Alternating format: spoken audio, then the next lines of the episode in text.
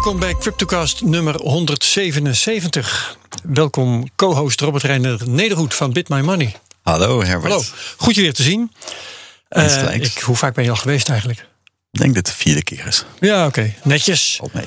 Netjes. Welkom Marius Jansen van, nou, van Deribit mag ik niet helemaal zeggen. Hè? Nee, dat mag je niet meer zeggen. Nee, maar wij, wij eh, kennen jou nog van Deribit. Klopt. Dat mag ik ja, wel zeggen. Ja, ja, ja, ja. En je was de laatste keer hier op, ik geloof 20 februari vorig jaar. Even kijken of ik dat goed zeg. 8 februari vorig jaar. ja, toen Nederland nog normaal was. Of de wereld nog een beetje normaal was. Ja, we hadden corona al wel in het vizier Ja, volgens mij, maar we hebben het er zeker niet over gehad. Nee. En waar we het toen wel over hebben gehad, is het vertrek van Deribit uit Panama, eh, naar Panama, beter gezegd. Ja, klopt. Ehm, dat gaan we straks ook nog bespreken, maar dat laat ik nu eventjes zitten. Want we zijn nog gewoon bezig met de inleidende schermutselingen. Ik moet nog vertellen dat we geen beleggingsadvies geven. En dat Amdax dat wel doet, want de cryptomarkt professionaliseert. Particuliere en institutionele beleggers hebben tegenwoordig cryptovaluta in hun portfolio. En dat neemt alleen maar toe. Voor het beste rendement en om risico's te spreiden heb je kennis van zaken nodig, zeker in een jonge markt. Die kennis en ervaring heeft Amdax en die willen ze graag met je delen. Wat een private banker in de traditionele wereld doet, dat doen de vermogensbeheerders van Amdax in het cryptodomein. Zo, en dan eh, gaan we eerst maar eens gezellig over de prijzen praten. Robert Reiner, eh, hou, je- hou, je- ja, ik moet aannemen dat jij ze met argusogen in de gaten houdt, want het heeft te maken met jouw business. Ja, dat klopt wel. Maar op zich, het is niet het eerste wat ik doe s ochtends. Niet nee? Nee, nee. Ja, eerst een stapje uit bed en doe je een plas waarschijnlijk. maar ehm, gekheid daar gelaten. eh, er is een, eh, eh, nu eventjes een einde gekomen aan, aan een lange periode van daling. Ja. Denk jij dat eh, dat echt een einde is? Of gaat die daling straks gewoon weer verder? Heb je daar enig inzicht in? ja, eigenlijk als de hele dag, ook al is het druk, dan hoeven we bijna niet naar de prijs te kijken zelf. We zijn gewoon bezig met klanten bedienen en met productontwikkeling en dergelijke. Dus dat valt op zich mee. We hebben wel af en toe gesprekken over van waar gaat het heen. Hè? Er zijn natuurlijk met Ja. een groep mensen en dan eh, is het leuk om te speculeren.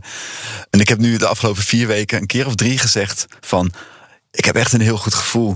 Ja. En eh, volgens mij Dit moet de op- bodem zijn. We zijn op een soort keerpunt. En eh, volgens mij gaat het nu alleen nog maar omhoog de komende vakantie. En, en, en, en drie keer had ik geen gelijk. Nee.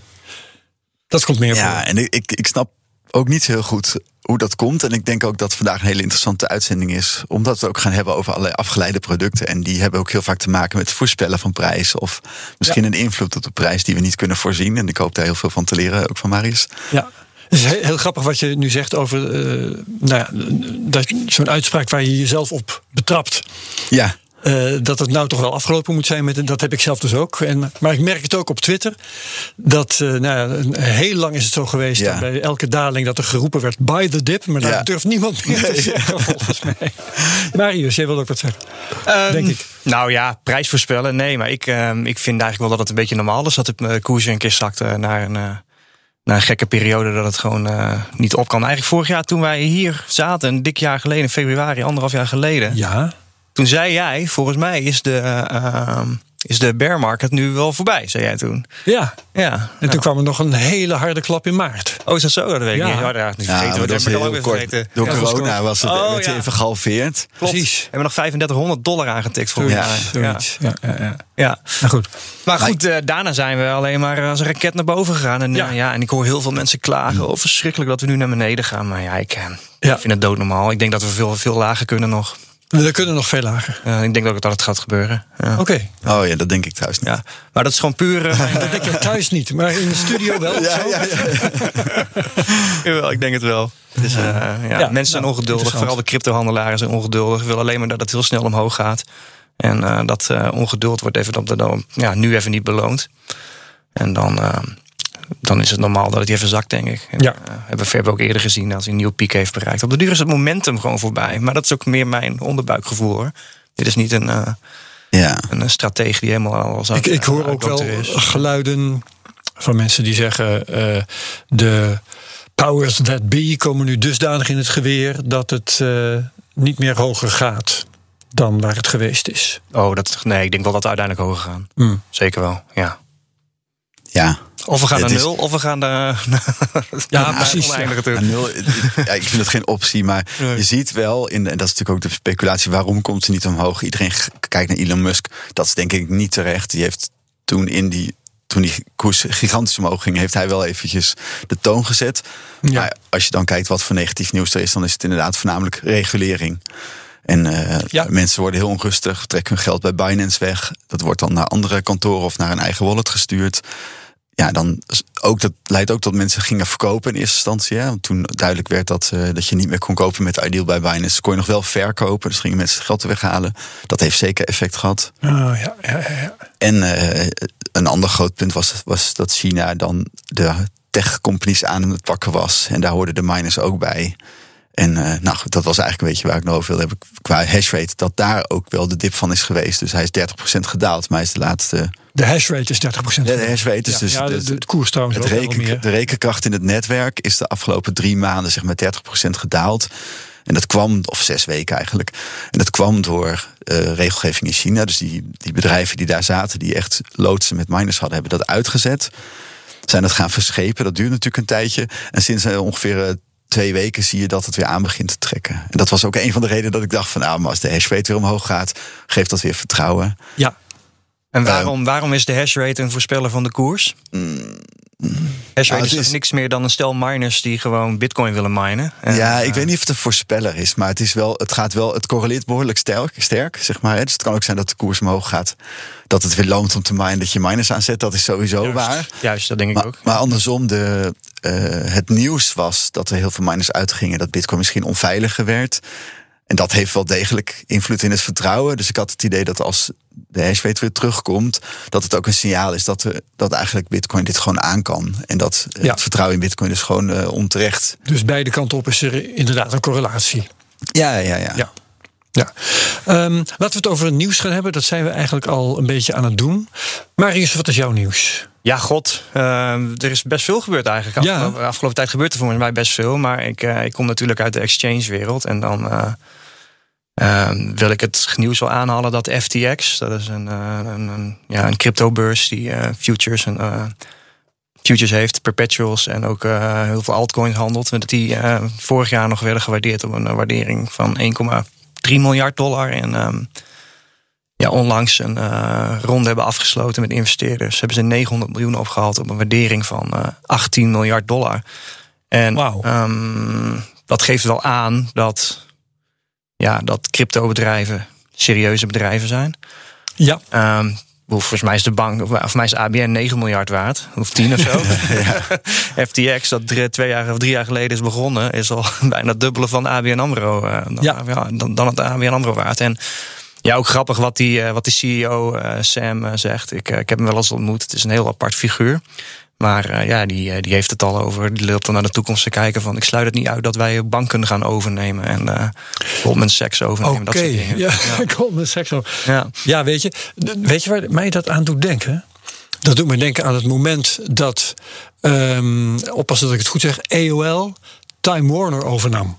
Ja, ja, ja. ja. Dat was eh, in de internetbubbel een, eh, een historisch moment. En later werd het toch meer eh, Time Warner dat AOL had overgenomen of iets in die geest. Ik geloof dat ze later AOL weer hebben afgestoten of Ja. wat er allemaal gebeurd is. En wat hier natuurlijk wel. Maar die verhoudingen draaien ook wel weer eens terug om, hè? Ja, ik, ik denk zolang de crypto space groot blijft zoals het is, dat, dat, die, dat, dat die verhoudingen niet om. dat, dat de groei alleen maar doorzet. Coinbase werd gewaardeerd op 80 miljard. Nou ja, FTX tikt tegen de 20 miljard. aan. Coinbase is trouwens, eh, ik heb toevallig gisteren nagekeken, is eh, weer gehalveerd in waarde. Hè? Die is. De koers is van, eh, ik geloof 420 naar 220 of zo gezakt intussen. Dat is natuurlijk wel een gevaar voor zo'n bedrijf. The Ja, dip, ja. Oké, ik doe het meteen. Ja. Nee, maar dat soort bedrijven die correleren natuurlijk heel erg met de koersen van de markt. Dus eh, eigenlijk als de koersen schommelen, dan ze ze zouden ook harder omhoog kunnen gaan. Want ze Nou, hebben ja. natuurlijk enorme volumes als die weer gaat stijgen straks. Want dat, dat eh, haal ik ook uit wat Marius nou zegt. Als FTX heten ze, hè? FTX, ja. Ehm, nu 18 miljard waard is, dan kan dat hier vandaan inderdaad bijna alleen maar omhoog gaan. Ja, en wat bij die bedrijven ook geldt, is dat ze natuurlijk, als jij in een bitcoin-markt zit of in een eh cryptocurrency-markt, dat je ook winst hebt genomen in het verleden als het goed is in het product wat je hebt. En ehm, Hoe dus als- je dat? Dat snap ik even niet. Nou ja, kijk, er wordt nu wel eens gesproken over welke bedrijven hebben bitcoin op de balans of andere munten, maar ik heb het Ja. meestal over bitcoin. Ja. En dan staan daar, in die rijtjes staan heel vaak de cryptocurrency niet bij of onderaan. Want dat is eigenlijk vanzelfsprekend dat bitcoin bedrijven ook winst nemen in de munt die ze aan het, uh, of het product wat ze aanbieden. Dus uh, als FTX zeg maar een miljoen winst heeft gemaakt in een kwartaal, dan kan je ervan uitgaan dat die winst niet allemaal in dollars is genomen, maar ook in andere munten. Ja. Nou, als ze dat een jaar of zes lang al gedaan hebben, ja, ja. dan is hun marktwaarde gegroeid, maar hun kaspositie is ook gewoon een keer 50 of zo gegaan. Uh, en dus het wordt best wel waarschijnlijk dat als deze trend zich doorzet, dat zij werkelijk een bod op een bank kunnen gaan doen. Omdat een bank natuurlijk niet assets heeft, die hebben meestal een ja. paar procenten aan assets. Ja, ik, wat ik, uit te bestaan. Ik, ik weet natuurlijk niet hoe andere exchanges het doen. Ik weet wel hoe dat uh, bij, de, bij Deribit gaat. En daar worden niet uh, de winsten van de afgelopen jaren alleen in Bitcoin en Ethereum aangehouden. Niet alleen, nee. Maar, nee, maar een, een klein beetje. En dat zit dan in het insurance fund. En dat is ook gewoon vrij inzichtbaar voor iedereen. Maar dat, is, dat, dat geld is, is bedoeld om klap op te vangen. Ja.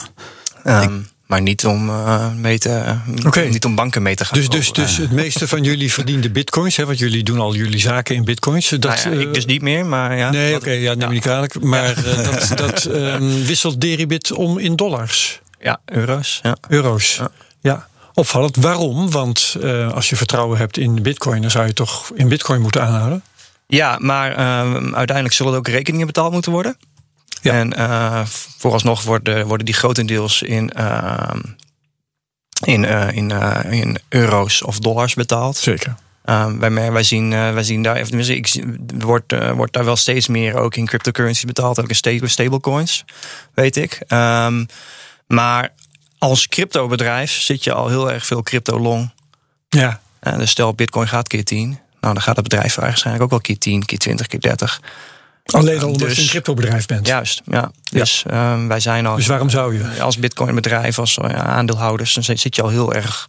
Heb je heel veel exposure in de crypto. Ja, dus wat, wat je eigenlijk zegt is: uh, alleen al vanwege diversificatie moet je gewoon je winst in dollars omzetten. Um, vanwege het evenwicht. Ja, zoiets. Ja. ik denk er iets anders over. Maar ik, ik moet wel zeggen dat toen wij starten. Uh, heb ik in het verleden ook investeerders gehad. Toen, toen, was wel even de vraag: gaan we nu ook een groot gedeelte van het startkapitaal wat we hadden omzetten in Bitcoin? En toen heb ik letterlijk gezegd wat je net zei: van nou, we wedden al op het paard. Zeg maar Bitcoin. Door een cryptobedrijf, Door een cryptobedrijf te starten. Dan gaan we niet ook nog het geld wat we als horizon hebben uh, daarop inzetten. Alleen ik denk dat Dirk best kan zeggen dat zij goede volumes hebben gedraaid. Waarmee de rekeningen makkelijk betaald kunnen worden. Dus ik zou ook verwachten dat je als je risicoprofiel uh, wat, wat, wat verandert, dat je dan. Ja, als je erin gelooft, wat hebt mm -hmm. zegt ook, van dan zou ik wel uh, zou ik er zeker voor gaan om 10, 20 procent van je winst aan te houden in de. Nou ja, Marius zei ook een beetje, en dat ja. is natuurlijk diplomatiek. Ja. En dat is dan. Uh, ja, ik weet niet hoe lang, bij, hoe lang jullie actief waren eigenlijk. Wanneer is het tegen Wij zijn het, uh, in 2016 zijn we gestart. Oh, ja, okay. ja. Vijf jaar. Vijf jaar geleden. Ja, precies. Dus dan heb je toch wel, uh, even kijken, toen 2016, toen stond Bitcoin nog op 1000 euro. Ja, ja. eind 2016. Ja, maar weet je hoe duur dat toen was? Ja, ja, ja, ja, ja ik weet het. Ja, ja dat vinden we heel veel. Uh, Oké, okay, we zijn nog met nieuws bezig, dus Laten we daar even mee doorgaan voordat we het helemaal over het Deribit en aanverwante zaken gaan hebben. Robert Reider, wat is jouw nieuws? Nou, ik zit in dezelfde hoek als Marius, alleen dat is een heel klein nieuwsberichtje. Bitstamp heeft heel recent aangekondigd een euro stablecoin te gaan voeren. En ik had al voor Daniel uh, sorry, voor de redactie. Redacteur, voor de redactie. Ja. Daniel Mol, onze Had ik ingediend ja. als vraag gewoon voor, de, voor jullie ook. Van hoe kan het nou dat uh, de centrale banken... Dus we kunnen het straks over hebben of nu, maakt maar niet uit. De centrale banken heel erg bezig zijn dat ze een eigen munt willen. Hè, dus de... de uh, digitale euro Central Bank Digital ja, Currency. CBDC. Ja. Um, dat er onwijs veel aandacht uitgaat naar allerlei dollarvarianten van de stablecoins. En dat er eigenlijk nog helemaal niet een, een euro ja, stablecoin is omarmd. Dus ik dacht, dat zou volgens mij een, een, een kans kunnen zijn voor Ze zijn er wel. Ja. Stasis of zo? Ja, maar heb je gekeken waar die verhandeld wordt? Nee, ik heb geen idee. Het is echt... Uh, Vraag een Chinese exchange of zo? Ja, zo, inderdaad zoiets. En een paar decentrale platformen die dus niet gereguleerd zijn. Ah, zo. Ja, ja, het, is ook, het, is ook, wel logisch toch dat die dollar, uh, dat dollar stablecoins een uh, vlucht hebben genomen. Ja. Wij verwijzen toch... nu, nu meer dan 111 miljard dollar aan stablecoins volgens mij. Ja, 110 miljard, ja. zoiets, dollar, zoiets. En voor mij ja. de euro is nog niet eens een miljard. Nee, nee, maar dat, dat verwondert, dat vind ik dus op zich wel verwonderlijk. Europa is best een grote markt. En, en gegeven de, de aandacht die naar stablecoins is gegaan de laatste toch wel twee jaar of zo. Of de stablecoins in combinatie met die, met die centrale banken. Ja. Wat houdt ze tegen om gewoon uh, tether te kopiëren voor de, voor de euro? Er is een tether euro, maar dat is vrij recent. En daar gewoon regie in te nemen. Dus ik dacht, misschien hebben jullie daar ideeën over. Ik heb daar geen idee over, maar ik vind het wel een interessant idee. Okay. Jij het hier op ja, ja, ik denk dat het een kwestie van tijd is dat we gewoon veel meer stablecoins krijgen en uh, veel, meer, uh, veel meer currencies. Die niet per se de dollar beogen. Nee, natuurlijk. Maar ja, ja het dollar is een wereldwijd geaccepteerd. Uh, Ge ge geaccepteerde currency. En euro, ja, ze zien ja. je in Azië aankomen een euro. Dan denk je donder op. Ja. En maar maar een dollar. Dat denk ik wel. Ah. Is dat zo, nog steeds? ja. Hm, Nou ja, goed, dat blijkt ook wel, want eh, inderdaad. Nou, in El Salvador denken ze daar dus anders over. Dan willen ze van die Eh, dollars af. Nou ja, het ligt er een beetje aan wie daar anders over denkt in. El Salvador. Want of de mensen daar eh, op dat strand eh, nog heel erg, al heel erg in bitcoin denken, dat waag ik toch te betwijfelen. Nog niet, nee. Nee. nee. Ja, ik, vond, ik was echt heel erg hyped naar eh, dat, dat, dat nieuws. Ja, Ik voelde het echt persoonlijk dat ik dacht van ja, weet je, dit is nu het eerste signaal kicken. Ja. van die kant. Daarna ga je wat van die documentaires kijken of reportages. En dan zie je wel dat daar wel een klein beetje glans is aan, aan de toe. Dus ik wil het zeker niet afdoen aan het. Er ligt een wetsvoorstel, het gaat in september in. Ik geloof daar ook Ja. heel erg in. Het Dat dat, wetsvoorstel is aangenomen. Is aangenomen, En- ja, en zeker. Het eh, wettig betaalmiddel zijn van bitcoin gaat in september in. gaat in september in, precies, dank je. En ehm, als niet voor die tijd de Wereldbank of IMF eh, daar eh, zand in de tandwielen gooit, Ja. dan denk ik echt dat dat een effect gaat hebben. Maar als je gaat kijken naar de reportages erover, dan zie je wel dat, eh, dat er een kleine kern is waar het helemaal voor opging. Maar dat er ook gewoon mensen die, in, dat als je, die ziet van ja. Weet je, uiteindelijk, wat Marius eigenlijk zelf zei: van uiteindelijk moeten de spullen wel gekocht worden en daar heb je toch een beetje dollars voor nodig. Maar dat zie ik als tijd. Maar die nuance is er wel, ja. Ja, ja, ja. Nou, intussen is er ook iets gaande in Paraguay. Ja, Eh, daar is ook iets eh, van een wetsontwerp, al is mij nog niet bekend wat daar precies in staat. Ehm, maar dat is dan ook wel het enige. Er was kort na die, Ja. eh, die bekendmaking uit El Salvador, Ja. was er heel veel humbug van. Ja. dan, dan werd er geroepen: ja, Panama omarmt nu ook de Bitcoin. En dan bleek er één vaag parlementslid te zijn. Dion. Graus, zal ik maar zeggen. Die had dan gezegd dat hij dat ook wel leuk vond. En dat was met heel veel. Brazilië, noem maar op. ja Paraguay heb ik wel een stukje over ingelezen toevallig. Oké, vertel. En daar, het leek eerst heel erg op hetzelfde te zijn, maar het gaat wel heel erg over de regulering van de markt. Oké. Dus dan krijg je dat het duidelijk wordt voor ondernemers wat ze, weet je wat we in Nederland dus ook hebben. Wat je als ondernemer kan Dus doen het is met niet het bitcoin. verklaren van bitcoin wordt Nee. eh, wettig betaalmiddel. Het is gewoon regulering. Dat is een eerste stap, ja. Oké, ja, ja. Dus dus een heel ander eh, verhaal. Dan maar wel positief. Het is, geen, het is geen verbod, zeg maar. Het is gewoon Dat is wel wat heel wat. vereisten worden gesteld aan jou als bedrijf. Ja. Ja, oké. Nou goed. Ehm, ik heb eh, ook wat nieuws. Ik zal een paar, eh, eh, ik zal maar zeggen, kopregels noemen. Want er, is, er zijn heel veel dingen die ik gewoon graag even gezegd wil hebben. Omdat er zoveel is. En dan eh, pak ik er één die ik jullie voorleg. Eh, jij noemde Binance al, Robert Reinder. Ehm Bitstamp. Bitstamp, zei ik, ja. je zei Bitstamp. Oké, ja. nou. nou ja. Binance heb ik ook gezegd bij de verbieden. Dacht ik. Ja, regulering. Maar in ieder geval, ja, Binance zit een beetje in de problemen. Hè, die we links en rechts eh, wo- worden ze aangepakt. Een van de dingen die ze hebben moeten doen is hun stocktokens opgeven. Ze hadden een tijdje geleden, en ik vond dat heel, heel leuk. Zeiden ze van wij gaan gewoon getokeniseerde aandelen verkopen. En die heb je dus een tijdje kunnen kopen bij Binance. Getokeniseerde Tesla's en getokeniseerde Apples. Het geestige daarvan vond ik dat iedereen het altijd had over ETF's. Want dan kun je aandelen kopen die staan voor bitcoins. Dan Ja, hoef je niet ja, de ja. moeilijke bitcoins te kopen. Eh, terwijl nu Binance het omgekeerde deed. Dan kun je tokens kopen die staan voor aandelen. Voor iedereen die tokens kopen eigenlijk makkelijker vindt. Maar daar moeten ze nou mee stoppen. En dat heeft ook weer te maken met, eh, met regulering. Eh, als ik het goed begrijp, onder andere dat in Europa dit eh, ehm, eh, ehm, eh, de status heeft van securities. En zeg maar effecten. En dat dat dus niet zomaar mag. Ja. Nou, dus- FTX, FTX deed het al langer, voor, voordat Binance het deed. aha, oké. Ja, ja, ja, ja. En mogen ze dat wel aan bij verbieden? Ja, dat weet ik eigenlijk niet. Maar voor mij is dat nooit echt van de, van de grond gekomen daar. En eh, voor mij hebben ze het ook meer als marketing truc gebruikt. Weet ik niet zeker. Dat kan natuurlijk. Ze hadden daar ook die... eh maar ja, dat had ik zo'n Trump... eh, indexje, dat hoeveel, hoeveel Oh, ja. die zag je heel snel zakken. Want ja, iedereen weet Biden is natuurlijk president geworden, maar hoeveel, hoeveel, hoeveel als je Tijdens de vorige verkiezingen. ja, ja, maar nu zelfs voor de volgende voor de aanstaande verkiezingen heb je ook weer een Trump-index. Oké, nou goed. Maar goed, die, die, die zijn natuurlijk niet gereguleerd. Maar ja, ik, En dat zijn geen aandelen bedoel je? Nee, dus maar dat, zijn ik- gewoon, dat mogen ze doen. ja ik, ik, ik, ik wist natuurlijk van, de- van die exchanges dat ze dat deden. Ik denk ook, ja, jullie zijn wel echt een beetje nu tegen, de, tegen die regulators schenen aan het trappen. Jullie durven Juist. wel. Ja, Nou, en dat eh, krijgen ze dus ja. nu terug. Oké, dus dat is één. Ja, ze moeten voor oktober moet het eraf. Ja. En, en ik had begrepen dat ze nu met een Duits bedrijf eh, die tokens wel over gaan dragen. Dus ze gaan het nog wel soort van doen, maar dan komt er een partner die het over gaat nemen. Oh, nou ja. ehm, Crypto Insiders meldt, en dat was dan weer op gezag van Cointelegraph, geloof ik, ja. ehm, dat Binance per direct stopt Ja. met die stocktokens. Ja, en de gebruikers kunnen dan moet voor oktober moet het overgedragen zijn aan Oh, andere oké, partij. op die manier. Ja, ja, oké. Goed, eh, Square werkt, eh, gaat werken aan eh, DeFi op Bitcoin. Dat was een, eh, een bericht, dus eh, dat, is, vond ik interessant. De burgemeester van Jackson, Mississippi, eh, wil, gaat Miami achterna. Wil Bitcoin gaan accepteren, salarissen uitkeren in Bitcoin en belasting betalen in Bitcoin en zo. Niet dat het al zover is, maar daar, hij wil die kant op. Bank of America gaat in Bitcoin Futures. Dat zijn de dingen die ik in elk geval wilde noemen. En waar ik het met jullie over wil hebben, dat zal je ook helemaal niet verbazen. Dat is dat er nieuwe Europese regels aan zitten te komen die onder andere anonieme wallets gaan verbieden. En daar ligt een, eh, nou ja, een, eh, een voorstel voor vanuit de Europese Commissie dat uitvoerig wordt besproken op Twitter door Simon Lelyveld bijvoorbeeld. Die gaan we daar binnenkort ook hier over eh, spreken, uitnodigen.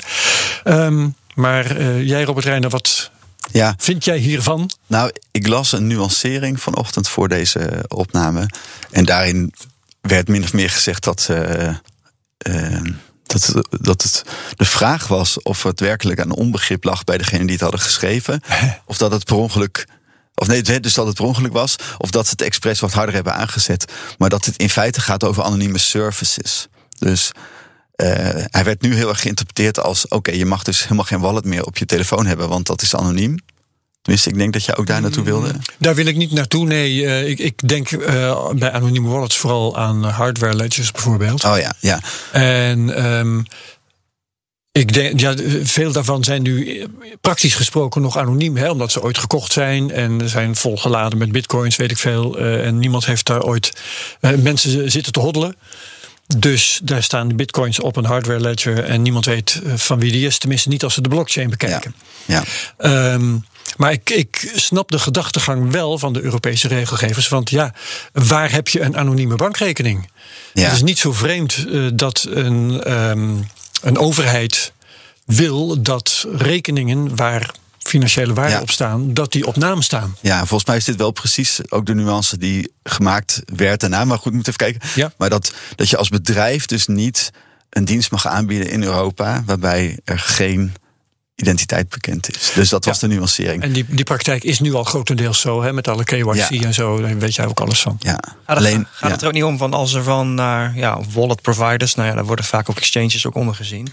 Mhm. Dat als je het dan naar een bitcoin adres Zeker. stuurt, dat dan, dat dan dat het de naam en contactgegevens en zo van dat bitcoin adres dan zo overeen moeten komen met een, met een of andere database of zo. Ik, voor mij had ik, dat, had ik dat snel van Ja, begrepen. dat was, maar bij FETF hebben ze dat inderdaad. eh, Ligt, dat is nog niet, eh, ligt nog niet vast, maar dat is inderdaad al een jaar of twee. eh, gaat Ah. dat? Nee, nee, nee, dat, dat klopt dus helemaal.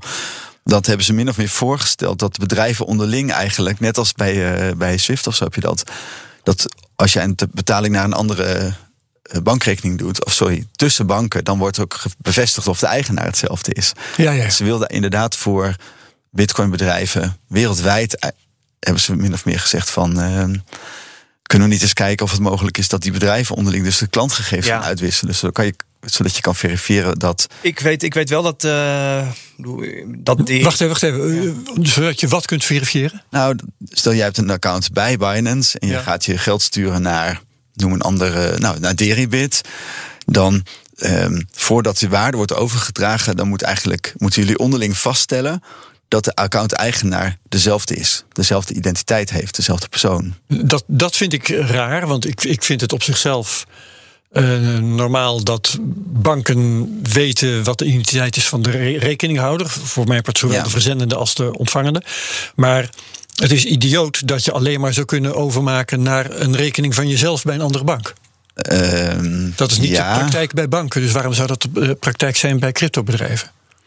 Dat is nou net wat volgens mij in Nederland net eh, is, is opgeheven doordat de Nederlandse Ja. bank die Ah, zaak verloor die, van die, die ideeën die zijn er. eh, En-. En ik weet ook dat het- de travel rules zijn ook partijen mee bezig. Ik weet ook dat Deribit zich binnenkort gaat aansluiten. En dat zijn gewoon, ja, dat, dat je gewoon aan, aan bepaalde regels gaat, gaat, gaat, gaat houden. En eh, dat soort dingen. Maar wat daar de precieze Ja. eigenschappen van zijn, dat weet ik ook niet precies. Maar er kan komen ook- wel eh, dingen. Het kan ook zijn voor de situatie die jij voorstelt, Herbert, dat bij de transactie dus wordt meegeleverd. Dan maak je misschien geld over naar iemand anders zijn account. En dan, dat is voor zo'n ontvangende partij op zich ook wel een, een probleem, kan dat zijn. Hè? Ja. Dus als wij eh, geld krijgen in een, in een bitcoin-rekening van iemand. En diegene zegt, ja, het is van die en die. Dat is, dat is eh, lastig. Want dat zijn dus juist witwasscenario's waarbij geld eh, tussen allerlei mensen heen en weer wordt geschoven. Ja. En bij de banken kunnen ze het allemaal heel goed zien. Dus als ze dat nu introduceren, dan zouden ze wel kunnen zeggen: Oké, je mag wel een andermans rekening sturen. Maar dan moet dus wel meegestuurd worden wat de identiteit was van de afzender. Maar, maar Robert, als Juist. iemand bij jullie eh, bitcoin stuurt, moeten ze dan ook laten zien of bewijzen dat ze eigenaar zijn van eh, de eh, afzender, Nou, walletadres of eh, iets wat. Ja, eh, het slaat natuurlijk nergens. op. ja en nee. Dus eh, we stellen wel vragen daarover. Ja, Want dat is onze verantwoordelijkheid nu. ja.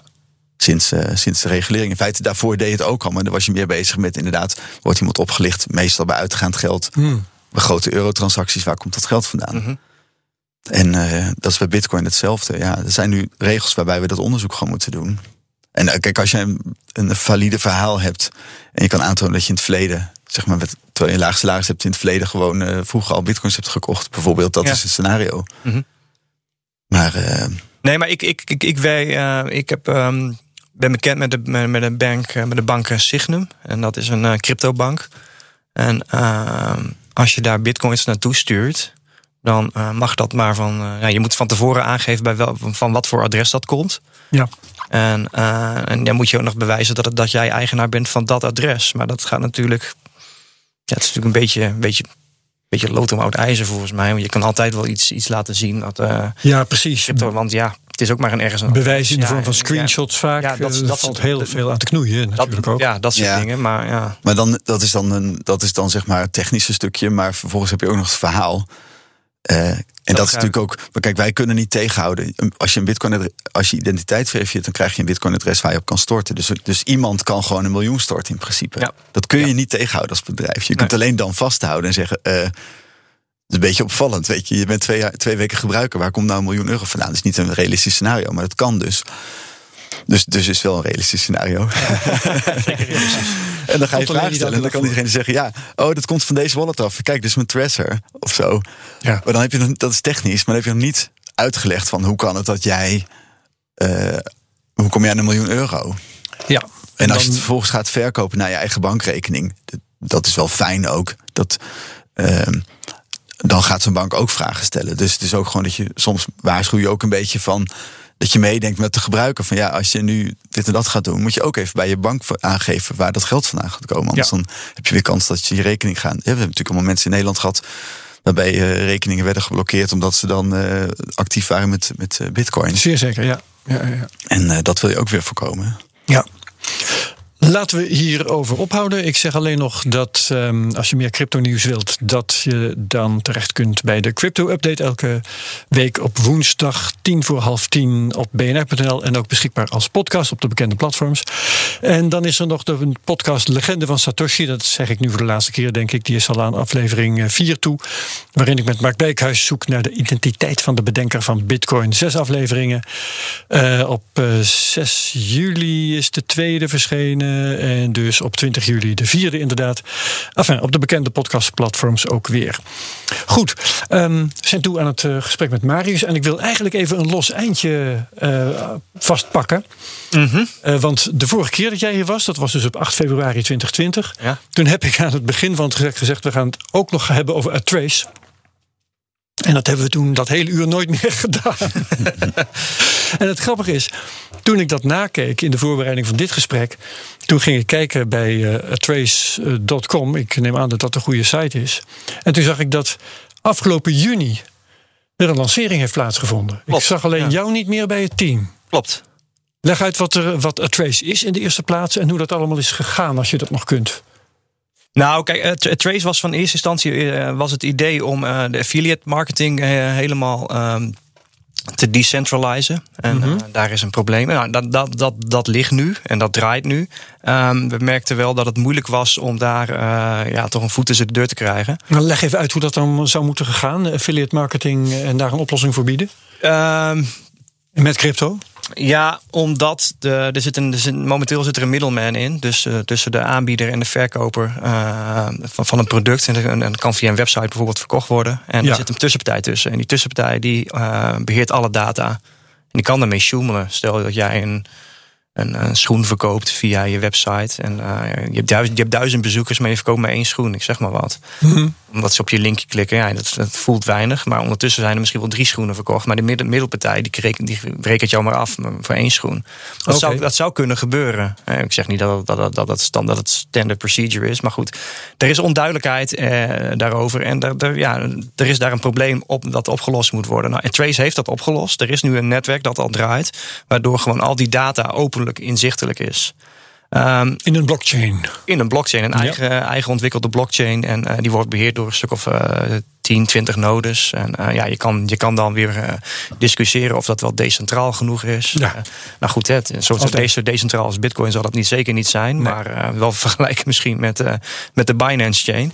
En eh, ik denk voor een oplossing als een Trace dat het eh, voor nu decentraal genoeg is.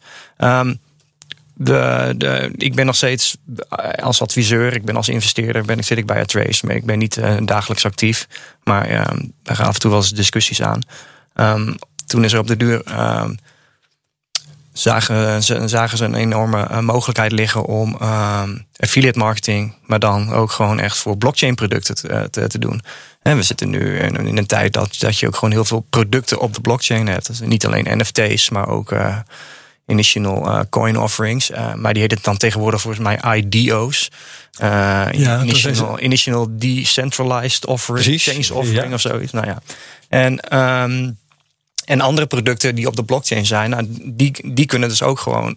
Die willen misschien ook verkocht worden door andere mensen. Dus ja, stel jij hebt een product op, op internet of op, op, op Web 3.0, op, op een Ethereum product.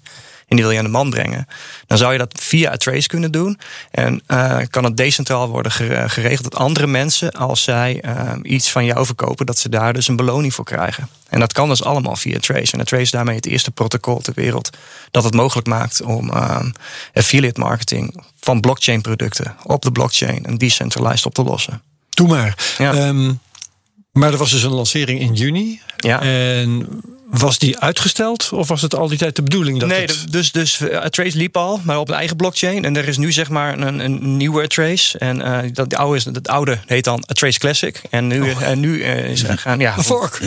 Nou ja, nee, geen fork, maar wel een. Er werd dus wel een snapshot genomen. Dus iedereen heeft ook weer tokens gekregen. Oh, en die werken nu op Ethereum. En momenteel werkt het op Ethereum, maar binnenkort gaat dat ook op Polygon en op, op Binance Chain en dat soort dingen werken. En ja, eh, er, zijn wat, er, komen, er zijn wat leuke nieuwtjes die komen eraan, maar die mag ik nog niet zeggen Oké. van eh, Trace. Want eh, dat is eh, voor mark marketingtechnisch is dat bepaald dat Ah, nee, dat is ook heel belangrijk. pla- Planning, planning bij zit. Je En, zit in de marketing of ja. je zit er niet in. Ja. Ja. Nee, goed, maar ik vond het toch leuk om dat, eh, die schuld nog even in te lossen. ja, leuk. En eh, dat is dan nu eh, rechtgezet. Wil ik het verder gewoon over, over Deribit hebben eigenlijk. Mhm. Eh, ook al ben je ook daar niet dagelijks meer betrokken. Hè? eh, wel als eh, aandeelhouder en adviseur. Ja, ik ben nog eh, aandeelhouder, niet zozeer adviseur. Ik ben gewoon aandeelhouder. Aandeelhouder. En ehm, ehm, het bedrijf is eh, vorig jaar verhuisd naar Panama.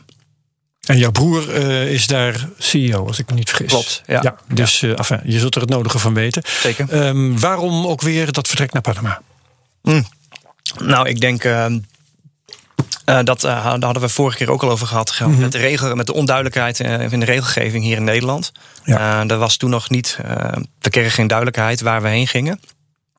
En met de regelgeving. En toen hebben wij we onderzoek gedaan en we uiteindelijk gekozen om voor een ander land te kiezen. En uiteindelijk is dat Panama geworden. En ik denk ook dat wij ehm, gelijk daarin hadden. Want onlangs heeft Bitonic nog een eh, zaak aangespannen Ja. tegen de Nederlandse bank. En ze hebben eh, volgens mij in bepaalde zin wel gelijk gekregen dat, eh, dat de dingen die de Nederlandse bank eisten toch niet helemaal. Een deel van de eisen in elk geval te zwaar was. ja, dat het te zwaar niet was. terecht was. Dus, dus, dus ja, en nog steeds is daar dus onduidelijkheid over. En waar gaan we nou heen? Dat weten, nou, dat, dat zal Robert, daar zal jij ook last van hebben. En Ja. ehm, wij hebben toen gezegd van ja, wij zijn een internationaal bedrijf. Met alle respect, eh, Nederland is een schitterend land. We wonen hier heel fijn, maar Maar niet jullie grootste nee, maar, markt. nee, maar dit, dit, dit, dit is, nee, dit, is, dit is irrelevant voor ons, met Ja. alle respect. Dus toen zijn we, toen, we verhuisd. denk- ja. Ik denk dat jullie. eh, jullie hebben natuurlijk een veel eh, breder aanbod van iets, zou je kunnen zeggen. En ik denk, ik weet dat is eigenlijk een vraag, maar. Eh, was het niet eigenlijk zo dat de diensten die je aanbood sowieso al onder de AFM zouden hadden moeten vallen? Nee, Voor alle zekerheid trouwens, eh, voor wie het niet weet, de meeste luisteraars zullen denk ik wel weten. Maar de diensten, het gaat om eh, bitcoin, opties en futures en dat soort dingen. Klopt, dat is maar- wat jullie verkopen. Ja, en, maar die worden dus gesetteld, dus afgerekend in Bitcoin of Ethereum. En ja. Ja, je zou bij wijze van spreken ook een future in rijst kunnen lanceren. Met een afrekening in rijst. Nou, dat is verschrikkelijk omslachtig, want dan moet je zakken rijst van A naar B brengen. Maar je zou daar een future voor kunnen doen en dat is niet gereguleerd. Grappig is dat Bitcoin natuurlijk verschrikkelijk goed werkt. Eh, en Ethereum ook, omdat je het gewoon zo van A naar B kan sturen. En eh, dus lijkt het heel erg op een financieel product. Ja, Waren het niet dat eh, Bitcoin en Ethereum niet worden gezien als een currency niet, door niet erkend als geld. niet erkend als geld. Derhalve is het geen gereguleerd product. Ja, je zal het vast juridisch heel goed uit hebben laten zoeken. Maar het is natuurlijk wel zo dat als iets lijkt op een belegging, dan is een, een reguleerder, dus AFM in dit geval, is wel heel erg snel geneigd om daar ook iets van te willen vinden. Maar dat is het leuke wat ik me herinner van die, eh, de- dat gesprek van anderhalf jaar geleden. Ehm, dat jullie de AFM te kennen hebben gegeven. Volgens ons is niet gereguleerd omdat wij het allemaal settelen in bitcoin. En dat ze eh, daar wijselijk maar niet op hebben gereageerd. Oh ja, klopt. Hebben ze dat nog steeds niet? Nee, maar dat doet ook niet meer de zaken. Nee. eh, Nee. Je- die- je- Deribit is niet meer actief in Nederland. Dus precies. Nee, ik, ik, ik bestrijd dat verder ook niet. Hoor. Ik, denk- of tenminste, ik denk dat je gewoon gelijk had dat het klimaat hier voor het product wat jullie hadden gewoon echt eh, heel ongunstig bij werd. ja. Of was misschien al wel. En eh, was dat ook nog leverage bij? Ja, Zeker, ja. Dus dat is, ja. honderd keer zelfs.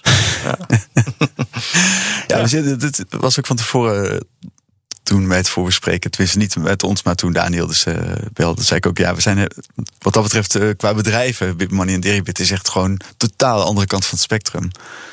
Dus wij zijn helemaal van Ja. het sparen, bitcoin, stilzitten, lange termijn. Bitcointjes. Wat zeg je? Jullie verkopen gewoon heel braaf bitcointjes. Ja, en ik zie het zelfs. En je koopt ze weer Ik zie het zelfs als dat, mensen, dat we mensen helpen om er periodiek te sparen of iets dergelijks. Ja. En, en bij Deribit kun je dus eigenlijk juist heel erg, ook, ook langere termijn op zich, hè, kun je natuurlijk heel erg kijken van met wat voor constructie kan ik in vrij kortere termijn enorme resultaten behalen. Dus dat is een hele andere insteek. Dus dat geeft ook aan, daarom zei ik ook aan het begin van ik hoop hier ook van te leren. Want ik denk dat heel veel van de dingen die Deribit doet, dat ik daar gewoon eh, ja, heel eh, naïef naar kijk. Terwijl, eh, Nou ja, wat, wat, wat, wat, ik, ik dacht daar vandaag nog even aan. Wat, wat ik wel echt bijzonder vind. En ik denk wat heel veel ehm, grote partijen, banken misschien ook wel onderschat hebben. Is gewoon het volume dat er omgaat in bitcoinhandel. nog steeds. ja, nog steeds. Ja, Ik bedoel, ja, ja. Toen, Dat is wel leuk om even over te hebben, want ik herinner me dat je de eerste keer dat je hier was, en dat was, ik geloof, in juli 2018. Toen eh, had je het over een, ik geloof, een dagomzet van 75 miljoen. ja, 60 miljoen samen iets van bij inderdaad. Ja. Volume. Of, Hadden, hadden we een mooie dag en dan had ik 60 miljoen en daar waren we Ja. dan trots op. Ja. En dat was anderhalf jaar geleden, was dat toegenomen tot naar een veelvoud daarvan. ja, ik denk iets van 500 of zo. Zou zomaar kunnen. Ja, En wat is het nu? ja ik denk gemiddeld nu 2 miljard op een dag. Per dag? Ja, dollar. Shit. ja, volume, hè, volume. Ja, ja, nee, dat begrijp ik wel. Nee, ja, Geen- voor de geen ook. dat begreep ik. maar toch, holy shit. Ja, ja, ja. ja. Het is gewoon een. eh, Ja, en dat, en, en, dat, en dat is wel eh, bijzonder. Want eh, volgens mij, als je nou, de, de, de grootste beurs, Euronext hè, in Mhm. Europa, voor mij doet hij iets van nou, 5 miljard per dag, dollar, misschien 10 miljard. Ja, en dan ehm, die bi- Bitcoin-beurzen komen al gewoon, ja, die denderen daar al gewoon, gewoon, gewoon hard overheen. Ja, en terwijl ja, ja. eigenlijk ehm, de market cap van Bitcoin, Ethereum en zo, die zijn relatief klein ten opzichte vergeleken met, ehm, zeker. met de grote, met de grote aandeel, eh, aandelen. Dus dan vraag je je af van, hé, waar komt dat nou vandaan? Daar, waarom is er nou zo verschrikkelijk veel handel? Nou, leg eens uit dan. Ja, ik denk omdat het gewoon heel erg toegankelijk is voor Heel erg liquide. nou, gewoon heel toegankelijk is voor iedereen. Iedereen kan vrij makkelijk een accountje aanmaken bij Binance of bij eh, FTX. Ja, op grote of- afstand. of Dag en nacht handelen ook. Het gaat, gaat dag en nacht door. Het is, ja, dat scheelt natuurlijk ook. Het is heel volatiel, dat is ook interessant. ja, het is ook volatiel. Dan kun je Ja. dus ook snel Kijk, Ja. als je bij een goud eh, gaat zitten, dan moet je een paar dagen wachten. Wil je 3% verschil zien? Ja, tenzij je met duizend leverage erin gaat. Ja, dat is waar. Dat is waar.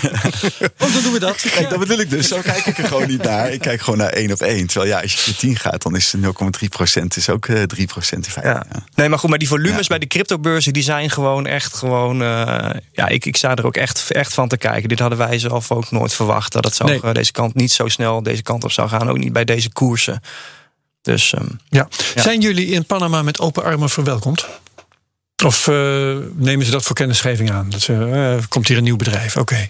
nee, wij, ja, wij, Hebben ze jullie in de, zijn jullie op de wij- radar wij- daar? nou ja, wij, wij- wij merkten wel dat het daar een stuk makkelijker was om daar met de juiste mensen te pra- in contact te komen. Eh, je bent daar relatief gezien direct al een grotere speler. Oh ja. En, ehm, maar echt met open armen dat een rode, rode loper voor ons klaar lag. Nee, dat niet. Maar ik zou ook niet weten of welke bedrijven dat dan wel zo is. En of je dat wel nodig zou vinden? Nee, maar ik, ik, ik had wel begrepen, ik bedoel, ik ben daar zelf niet bij geweest, maar ik had wel begrepen dat het, vooral fijn werd bevonden dat je gewoon eh, makkelijker contact hebt met de, met de juiste personen binnen de regulatie, de reguleringspartijen. Ja, ja, ja. Want hoe gaat het in zijn werk? Je hebt dan hier heb je natuurlijk hooglopende discussies met juristen erbij van wat is, wat is wijsheid. Mhm. En dan is Panama is een keuze, maar je hebt natuurlijk ook nog Malta, Cyprus of, of, of andere niet-Europese dingen nog. Mhm.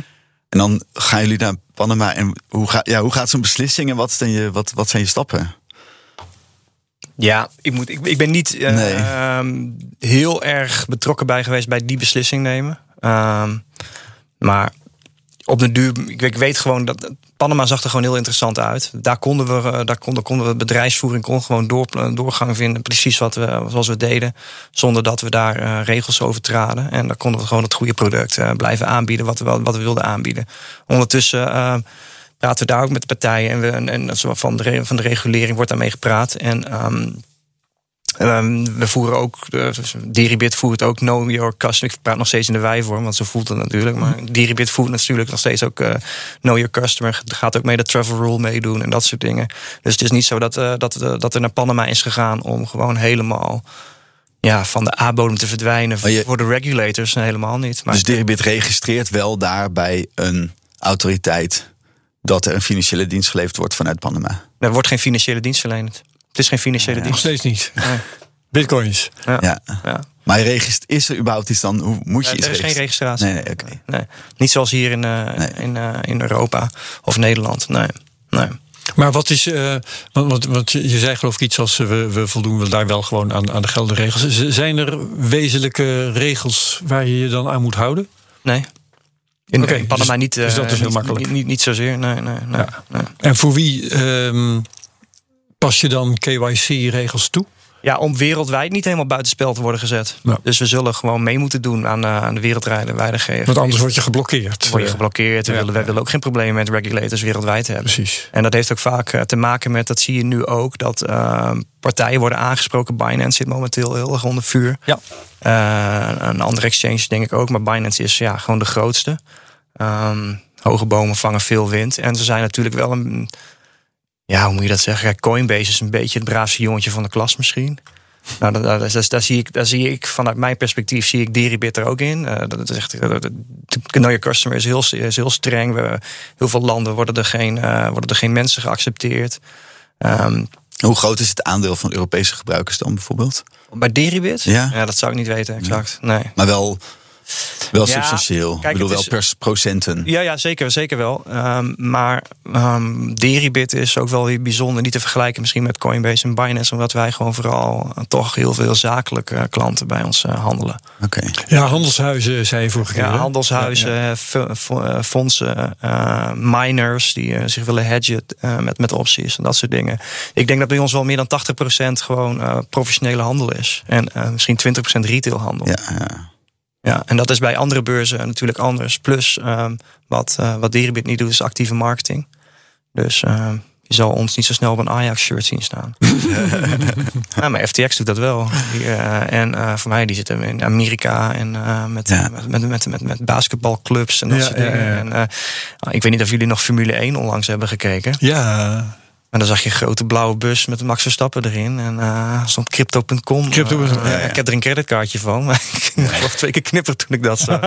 oh ja, wist je het niet? Want het heeft wel in allerlei uh, nee, dat is een beetje voorbij gegaan. Ja, ja. ik wist niet dat ze het zo ongelooflijk groots gingen aanpakken. Ah zo. Nee, het, zit- het, zit- ja, ja, ze zitten er helemaal onder. Ja. Maar dat is waarschijnlijk vanuit. Ik denk dat ze dat hebben gedaan. Want eh, Formule 1 is een internationaal product. Ja. Of een internationale, eh, heeft een internationale allure. En eh, als je daar dus marketing doet, dan eh, kunnen ze, kan een regulator niet heel erg aanwijzen. Ja, je loopt in ons land, loop je, eh, loop je marketing te doen. Ja. Want het is een internationaal. eh. Ja, zeker. De Bitcoin-meester sponsort nu AZ, hè? Oh, wat leuk. Ja. Ja, en Knaken doet Sparta. Sparta. En En nog iets. Ja, nog. Ja, ja, een of ander damesvoetbalteam volgens mij. Nou, nee, het is volgens mij ook Ajax, toch? Niet Ajax? Ja, ik dacht het wel. Dat zou zomaar kunnen, ja. Ja, ja, ja. Ja, volgens mij hadden ze echt. en Volgens mij hebben ze er drie nu. Volgens mij hadden ze. Nou goed. Anyway, dat moeten we even nazoeken. Maar Ja. ze waren serieus bezig, inderdaad. Ja. Ja, ik, ik had eigenlijk wel een beetje een vraag. Want, eh, of eigenlijk twee. Ten eerste van eh, waarom die bedrijven die opties doen. Daar zei al iets over. Dat vind ik wel interessant of je daar iets nog meer over kan zeggen. Dus, dus zakelijke markt heb je. En Ja. wanneer gaan mensen zakelijke opties kopen? Ja, om zichzelf te, te ja, een optie is eigenlijk eh, niks meer dan een. eh, ja, je kan, het is een soort Verzekering. verzekering. Een verzekering, ja. En eh, stel je wil verzekerd zijn dat jij. je, je bent een miner en je weet hoeveel bitcoins jij de komende maand gaat minen. En je wil een vaste prijs, je wil vast een prijs hebben daarvoor. Nou, dan kan je dat met opties kan je dat regelen. Dus dan heb je het recht om te verkopen. Voor een bepaalde prijs. Ja, en dan koop je een put-optie. Dat is geloof ik dan. Hè? ja. ja. Ja. Ja, dat snap ik wel. En ehm, Ja, je hebt dus put opties en die kan je kopen, verkopen. En call opties die kan je kopen en verkopen. Dat is allemaal heel ingewikkeld om daar nu Ja. in te gaan verder. Maar eh, ja, je kan daar dus je, ja, je, ja, je kan daar een verzekering mee afsluiten. En dat, dat eh, zien we dus heel veel bij partijen. Maar er, komen ook partijen voorbij die gewoon eh, ja, fondsen, die gewoon, ja, gewoon gokken. Op de koers, hè, zo noem ik dat dan. Of Ja. gewoon de, de koers denken te kunnen voorspellen. En dat, dat door middel van opties willen doen. ja. Ik heb opties gezien die op één dag gewoon misschien wel 50 of 100 keer meer waard werden. In, eh, in die, die, in die, in die, eh, in die boelmarkt. Ja, maar goed, het omgekeerde komt ook voor. Zeker. Ja. Ja, ja, maar ehm, je, je, eh, als je een optie koopt, dan kan je niet meer kwijtraken dan wat je koopt. Dat klopt. En eh, hij kan wel keer 100 gaan. ja, en ik heb. Dat is natuurlijk klein, dat is geen financieel advies, maar dit, Nee, dat, geeft Ja, een beetje ja, het ik idee heb- wel van. sowieso geen. Ik Ja. heb iets geleerd vroeger over opties. En dat is dat je volgens mij eh, geen put-opties moet schrijven. Als je niet eh, heel erg eh, gedekt bent. Klopt. Of geen ongedekte. Naked put-options moet je echt Naked, niet, ja, moet nee, je dat, dat, beginnen. dat, dat, dat kan heel, heel Wat, is dat dan? Hoe werkt dat? Nou, als je iemand het recht koopt om bij jou, bij jou bitcoins te kopen in de toekomst, terwijl je de bitcoins zelf niet hebt. Oh, dat. Ja. Dat is best wel tricky. Maar dan kan je dus wel op dit moment geld vangen. Want ja, ik geef jou het recht om iets bij mij te kopen. Ja, en als die koers. eh, als, nou, als de koers gaat dalen, dan ga Dan je die optie niet uitoefenen. Heb ik gewoon jou- jouw geld gekregen, zeg Ja, maar. volgens mij zijn er ook wel verhalen van, van eh, kleine verzekeringmaatschappijtjes die heel veel verzekerden en uiteindelijk helemaal niks konden bleken te, te kunnen dekken. Nou, zo kan je dat ook zien. Ja. Ja. die mij zijn er wel van die Alvast verhalen. het geld je- incasseren, daarna zien we wel. ja, ja, ja. Ja, en, en dan heb heb je ook nog leverage. Dus dat wil zeggen dat, stel ik zet één bitcoin bij Deribit neer. Dan zou ik met de waarde daarvan, zou ik in principe, eh, dus, eh, nou wat zeg ik dan? Hij kan een keer 100 gaan. Call hoor ik opties kopen. Nee, dan gebeurt er niks volgens mij. Als ik een bitcoin neerzet, het is gewoon een tegoed van een niet-financieel Oh, ja. product. Nee, heb ik oké, begrepen. ja. Geen geld. en, en, eh, en dan kan ik tot 100 keer leverage zou je dus transacties kunnen doen in principe. Ja, maar dan alleen, dat, doen, dat gebeurt alleen eh, met eh, Perpetual, als ik het goed heb. Ja, maar dat is gewoon een doorlopende future. Die continu Ah, doorloopt, ja. waar een rente aspect in zit. En ehm, volgens mij, als je één bitcoin stort, dan zou je zes opties kunnen schrijven. Ja, en eh, zoveel opties kopen als je, eh, als, je, Als je geld als de prijs is. Ja, Ja. Ik bedoel, als, je, als, als, als een optie 0,01 bitcoin kost, dan, ja, dan zou je dus 99, Ja. komma nog wat opties kunnen kopen. Ja. Want je betaalt ook wat fees. Ja. En, En wat, kun je wel- wat het kost, dat is nou net afhankelijk van wat de optie precies eh, biedt. Ja. Ja, ja. Ja, ja. Maar je moet bij dat naked, zei ik net, hè, dat, dus ongedekte opties schrijven. Dat zou theoretisch kunnen. Of is al, je moet altijd onderpand hebben, anders Nee, word je geliquideerd. je moet zeker onderpand hebben. Ja, Ja, ja. want eh, eh, er worden anders geen eh, orders worden niet geaccepteerd. Dus, dus uit mijn hoofd, als je één bitcoin plaatst, dan zou je zes opties kunnen schrijven. Ja, maar dan heb je dus wel het risico over dat je dat je vijf opties, vijf bitcoin opties, vijf bitcoin dus moet, moet aftikken. Ja. En als je dat niet koers, hebt... En als, als de koers, ja, dan, dan, wordt, dan, uh, dan, dan vindt er in, op den duur wordt er een, bepaalde margin wordt bereikt. Ja, precies. Dat zijn allemaal berekeningen en dan wordt de positie wordt geliquideerd. Ja. ja. Zodat je onderpand... Dus eigenlijk ga je niet vijf bitcoins betalen, maar dan worden alle opties worden, of al je contracten worden geliquideerd. In de markt, in de markt op dat moment. En je onderpand is dan weg. De boel, de boel wordt geliquideerd zodra ja. je onder water dreigt te komen. Juist, wel voor dat moment. Uiteraard, anders uh, gaat het insurance fund eraan. Voorkomen duidelijk. Ja. Um, eens even kijken. Wat ik graag wil weten is, uh, we hebben nou een, een bull market gehad. Volgens sommigen gaat die nog door, maar dat is, nou, ik uh, weet dat even zelf niet. Maar die, die stijgende markt, wat betekent die voor Deribit? Betekent dat gewoon meer handel? Of uh, wat gebeurt er dan precies? Nou, wij hebben meer handel, dat sowieso. We zien op, wij hebben op de raarste, op de meest heftige dagen, hebben wij volgens mij bijna 10 miljard dollar gehad op, een, op één dag voor volume. En uh, dat, heb ik, dat, heb, dat, heb ik, dat heb ik gezien. En wat dat verder betekent, ja, als beurs zijnde maakt het niet heel erg veel uit wat, de koer, wat het koers van vandaag is. Nee. Dus zo'n zo dalende markt als van de afgelopen twee maanden, dat merk je niet? Of is het toch zo dat de animo dan terugloopt? Bij on, bij, bij, bij, bij derivatenbeurzen, mm -hmm. merk, merk je dat relatief gezien minder. Ik denk dat ja. Robert daar veel meer last van heeft. Ik denk dat veel meer, minder uh, retail uh, in, instroomt op dat moment.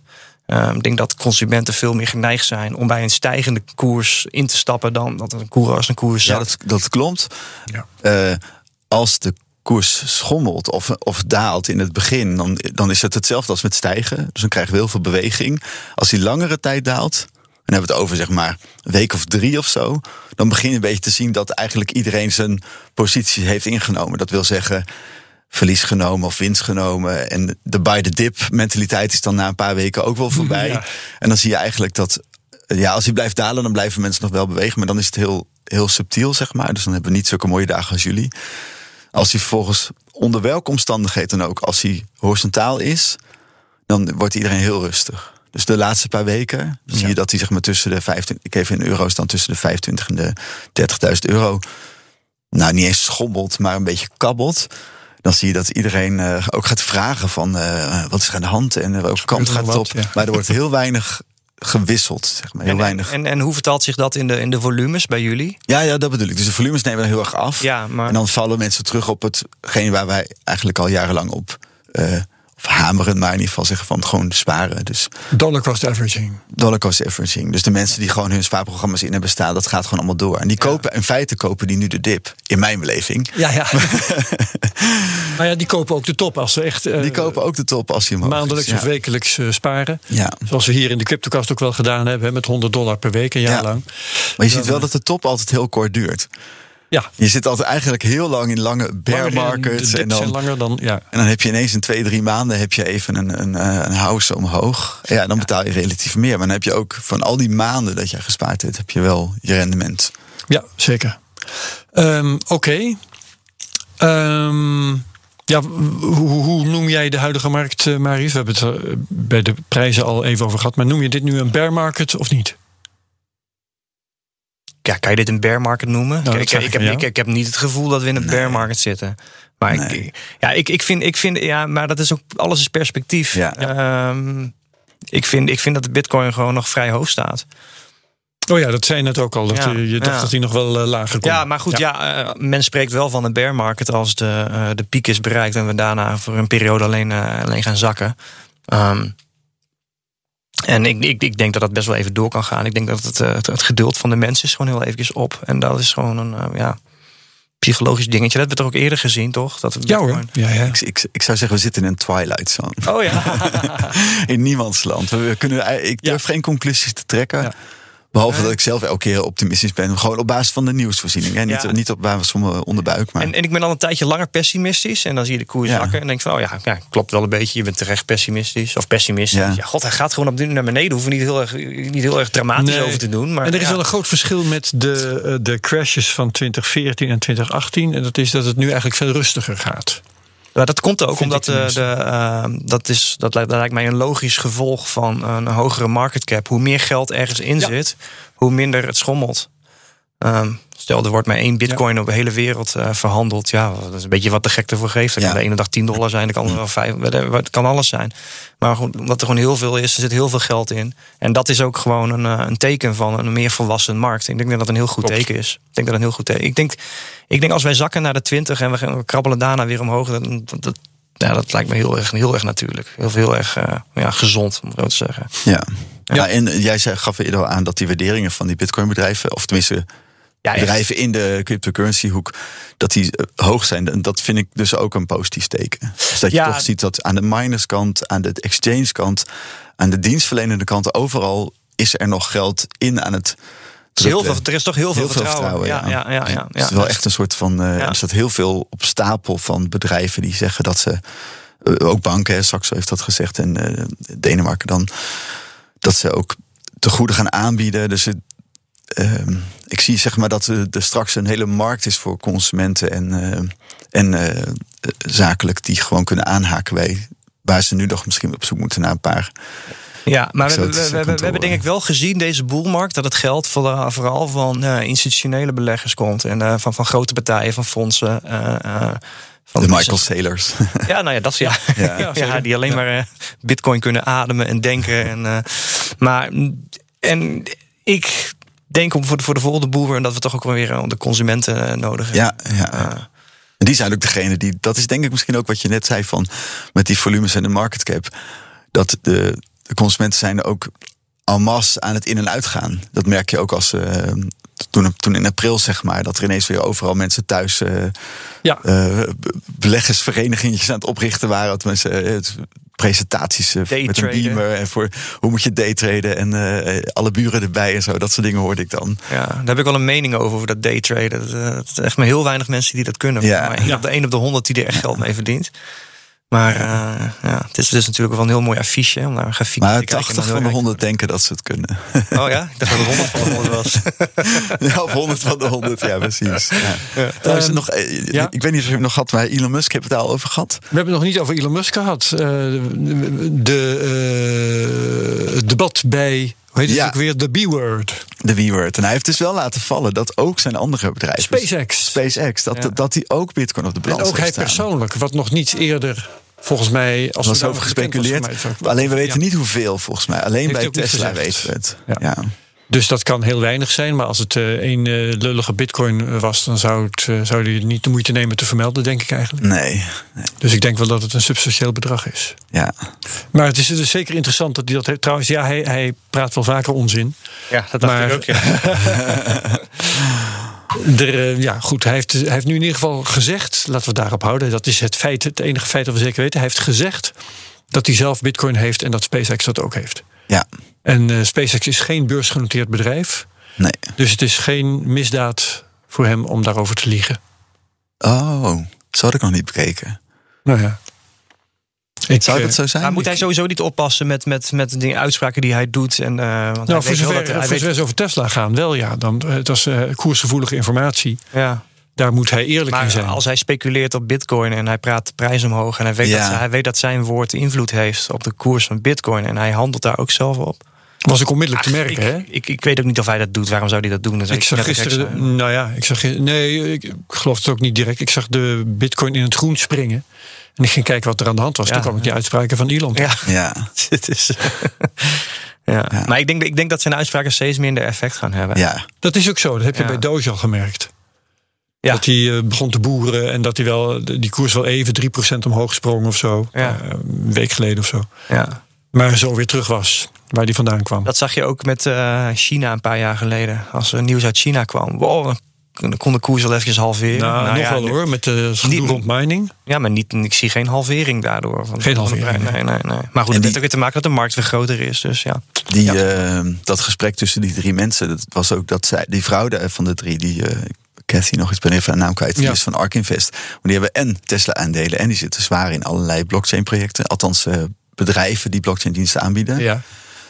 Eh, Jack Dorsey is van Twitter En van Square. en van Square en die heeft nu ja, dat is hem toch een beetje jammer dat ik dat niet aan mijn hoofd weet. Maar die heeft een aantal dingen aangekondigd. Volgens mij gingen zijn eigen. Een eigen hardware wallet Hardware gingen ze ontwikkelen. ontwikkelen. Dat was het, en ze ja. gingen, dat noemde ik net nog bij het nieuws. ehm, ze gaan eh, DeFi eh, technieken ontwikkelen. voor Ja. op blockchain, voor op eh, bitcoin. Ja, dat vind ik zo vaag.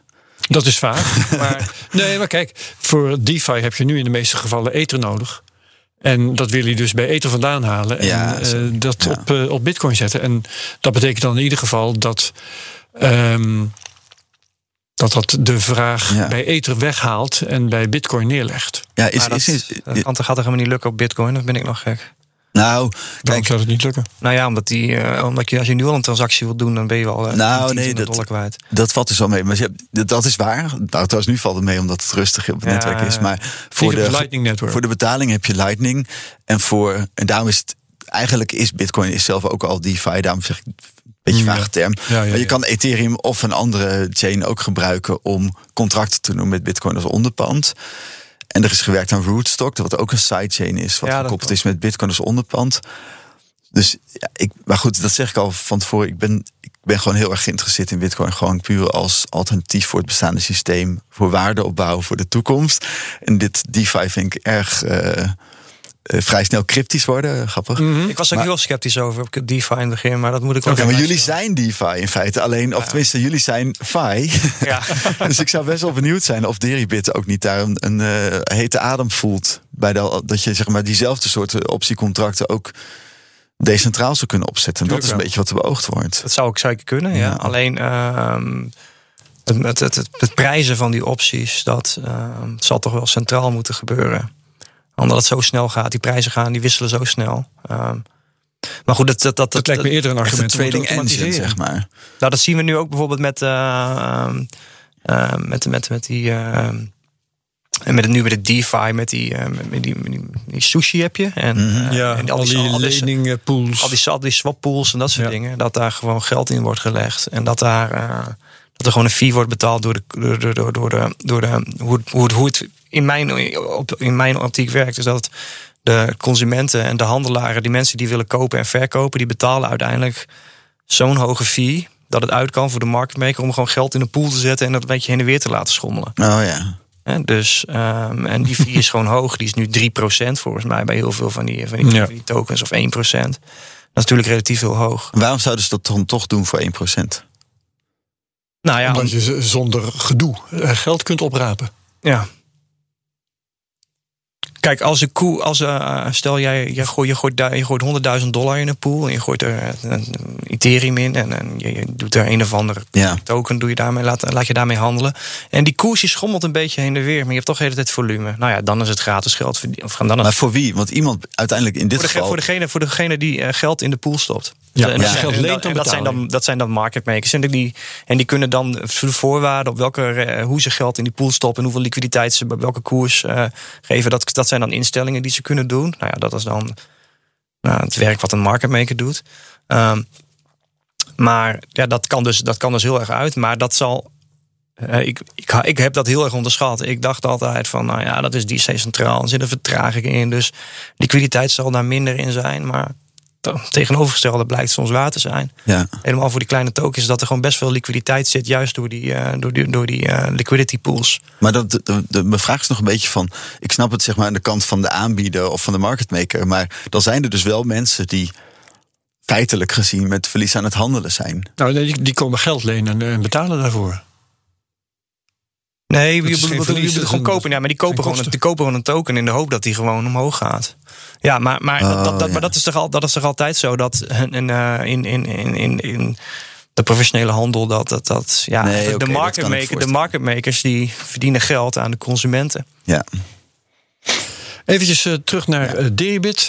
Ehm, was die eh, verhuizing. eh, zijn er nog verhalen rondomheen te vertellen? Eh, is dat allemaal smetteloos gegaan? Of hebben jullie nog grappige dingen ja, meegemaakt? het eh, het team is gegroeid eh, Ja. in Panama. Ja, voor mij een mannetje of twintig nu. Eh, we gaan, ze gaan binnenkort een heel mooi kantoorpand betrekken. Dat is wel bizar hè. Als je het zo bekijkt dat je twintig mensen hebt die dan tussen de, nou, wat zei je nou, 300 miljoen en 5 miljard eh, volume doen op een dag. Nou, het, het totale team zit denk ik wel op zo'n mannetje of eh 60, 70. Ah, oké. Met, eh, met developers en, eh, en customer support en legal en alles. Is het allemaal al een goede stap geweest? Ja, ja, ja.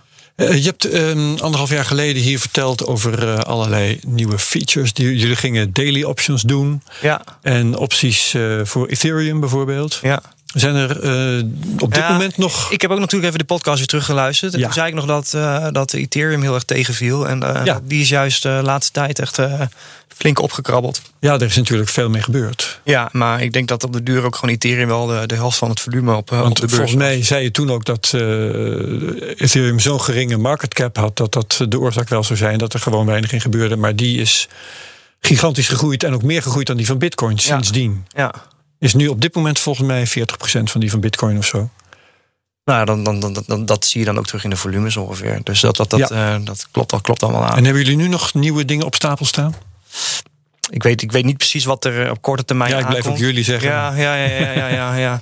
Nee, ik, ik, ik, ik ben dus niet, niet, echt daar actief meer. Nee. En, eh, dus ik weet ook niet de, la- de laatste ins en outs. Ik heb nog wel even wat gevraagd natuurlijk. Ik, eh, er is net een, ja, nieuwe layout is, is gelaunched. Dat je eh, heel mooi je, je scherm alle koersjes kan laten zien. En dat je daar, dat daarop kan handelen. En ehm, stablecoins zitten eraan te komen. Dat je met, Ja. met USDC of USDT ehm, ook kan handelen.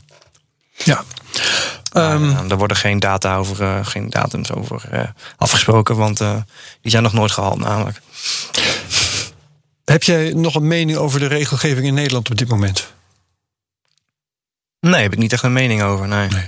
Nou ja, la- laten we het zo zeggen. Ik denk dat, eh, dat, dat, dat, dat wij met, met de zaak gewoon een goede keuze hebben gemaakt om te vertrekken. En dat.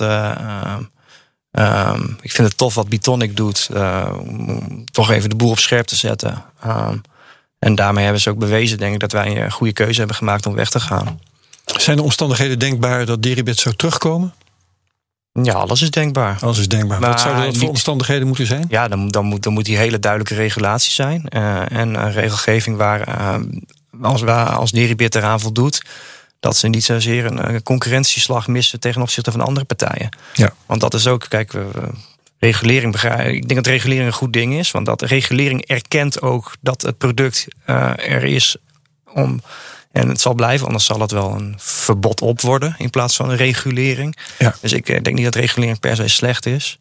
Um, al ben ik vanuit basis, in mijn basis ben ik een libertariër, ben ik tegen regelgeving. Maar ik denk, we leven nou eenmaal in een wereld hè, waar we te maken hebben met Het regelgeving. bestaat. Ja, ja. dus we hebben ermee te met Deal with it, ja. Deal with it. En dan denk ik dat regulering niet per se slecht is. Nee, het is een erkenning. Maar ehm, er moet wel een regulering hier dan plaatsvinden waarin een klimaat wordt geor- georganiseerd, waarin een cryptobedrijf Ja. ehm, iets kan doen. En ehm, Deribit, dat, dit ziet, dat, momenteel ziet het er niet uit dat Deribit dan eh, dat, dat, het, mo- dat, het, dat het mogelijk is. Maar ja, alles kan. Ja. Die, die rechtszaak van Betonic was, was trouwens heel specifiek gericht op de walletverificatie bij Ja. het uitgaande bitcoins. Ja. Waarbij er vrij hoge eisen werden gesteld aan de identiteit van de ontvanger eh, vaststellen. En ook, nou goed, die hebben, ze- daar hebben ze voorlopig gelijk in gekregen. Dus de vraag of de Dat niet hoeft. aangepast Nee, wordt. Of eh, dat Ja. gewoon voor iedereen. Want wij hebben nu nog geen duidelijkheid of het voor ons anders is. Twee maanden later nog. Waarom zal het voor jullie niet anders zijn? Is dat hetzelfde? Nee, de, de uitspraak is nu heel specifiek voor Betonic. Um, Eh, Ja, maar je hebt toch rechtsgelijkheid? ja. Oké, dat is dan dat zou, maar het is nu zo, zeg maar. En eh, de Nederlandse Bank heeft gezegd: we komen terug met eh, een eh, aangepaste, veelgestelde vraag of iets dergelijks over dit onderwerp. Maar het is ook niet zo dat ze nu helemaal vrij zijn van de verificatie. Maar daar wou ik eigenlijk niet zozeer over praten. Het was meer dat ik, zeg maar, als ik vooruit kijk, dan denk ik dat. ehm, lijkt het mij sterk dat de diensten die jullie aanbieden straks niet ook als financiële diensten worden geclassificeerd. En dan wordt het wel heel lastig om terug te komen naar Europa, denk ik. Ja, maar of niet. Ehm Dieribit groeit ook. Eh, regulering. Ja, dat is waar. Dat is waar. Nee, dat, daar, daar, dat, Tenzij het hier ook zelfs op dat vlak kapot Kijk, gereguleerd wordt. Nee, maar ik, ik, ik denk dat cryptobedrijven eh moeten eh, uiteindelijk een regulering doen. Maar ik heb bedrijven gezien die er al twee, drie jaar geleden ehm, eh, en daar heel erg mee bezig waren. Ja, en die hebben heel veel kosten gemaakt. Maar ehm, wel een, ge- geen klantenbestand kunnen opbouwen. Omdat Ja. ze dus aan die eh, heftige, heftige regelgeving doen. Heeft dus Bitonic ik- trouwens eerder ook al last van gehad. Ja, maar ik, Want ze waren heel vroeg met een eigen exchange. En toen konden ze gewoon niet voor elkaar krijgen dat ze of bij de AFM toestemming kregen om te goede aan te houden. Of een partner vonden die het aandurfde om te goede voor klanten aan te houden. Ja, ja, ja. En daardoor hebben ze anderhalf jaar vertraging Dus opgelopen. eh, it's, it's, it's all about timing. En dat geldt ook Ja. voor. De- ongetwijfeld gaat Deribit volledig gereguleerd, eh, gereguleerde kant Ja. op. Ja, maar het is een kwestie, allemaal alles een kwestie van timing. We hebben vorige keer eh, ook allerlei andere partijen genoemd, zoals CME en BACT en OKX en LedgerX. Jij noemt FTX. Ja. Ehm, hoe ziet die markt op dit moment eruit? Zijn jullie nog steeds verreweg de grootste? In opties uh, is Deribit de grootste. In, uh, in futures denk ik dat ze zo'n 1 of 2 procent van de markt hebben. Oké. Zoiets. Uh, maar ja, het is een gigamarkt. Dus, uh, dan heb je, ja, dus procent ook leuk. Ja, dus dan een procent is al heel, is heel wat. Hoe kan dat eigenlijk? Zijn er zoveel andere bedrijven die futures aanbieden? Ja, ja, ja, ja, ja, ja. Dat is breder dan de opties. Ja, veel groter. Ja, ja. Maar ik bedoel ook meer aanbieden zich geen opties doen, maar wel futures. Ik heb uh, volgens mij hebben we OKX is een exchange die het die opties aanbiedt. Voor mij heeft de FTX ook wel wat um, opties, maar niet op zo'n manier als OKX of um, of, of Deribit het doet. En volgens mij hebben ze in China ook nu ook wel weer problemen trouwens met OKX. Ik weet niet of ze doorgaan met die opties, want we zitten natuurlijk in, in mainland China. Voor mij zijn ze er ook aan het uh, moeten daar een beetje mee oppassen. De duimschroef aan het aandraaien. Ja, ja, ja, ja. ja. ja. Maar um, bakt. Ja, voor mij hebben we daar nooit meer iets van gehoord, toch? nou ja, die publiceren nog wel altijd cijfers van uh, daar hun dagelijkse omzet en zo. Dat is uh, ja, nou, nog eens veel kleiner dan van CME bijvoorbeeld, volgens mij. Volgens mij is dat uh, redelijk irrelevant. Ja. En, en dat, dat, dat, is, dat is misschien wel een mooi voorbeeld van dat je op tijd moet zijn met. ja regulering voor mij bakt iets van had een paar honderd miljoen opgehaald of zo. Ja, nou ja, maar ze ik weet, weet niet wat geduurd in, voor ze mochten beginnen. Ja, en ik weet niet wat een burn rate is, maar. Uh... nee, dat weet ik al niet. nee. Maar ja, dus, dus een. Uh... Jij denkt dat er sprake is van een burn rate? Uiteraard. Die, die, ja. ik, ik, denk niet dat zij al geld verdienen. Maar misschien ja. vergis ik mooi met de volumes die ze maken. Maar, ja, oké.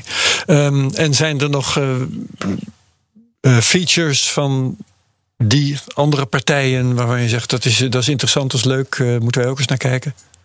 Nou, nee, maar het viel mij wel op dat uh, FTX, en dat is hier al besproken, dat ze uh, aandelen deden. dat je daarmee dat je aandelen kon handelen. Ehm, dat vond ik wel, ja. wel leuk om, om te zien.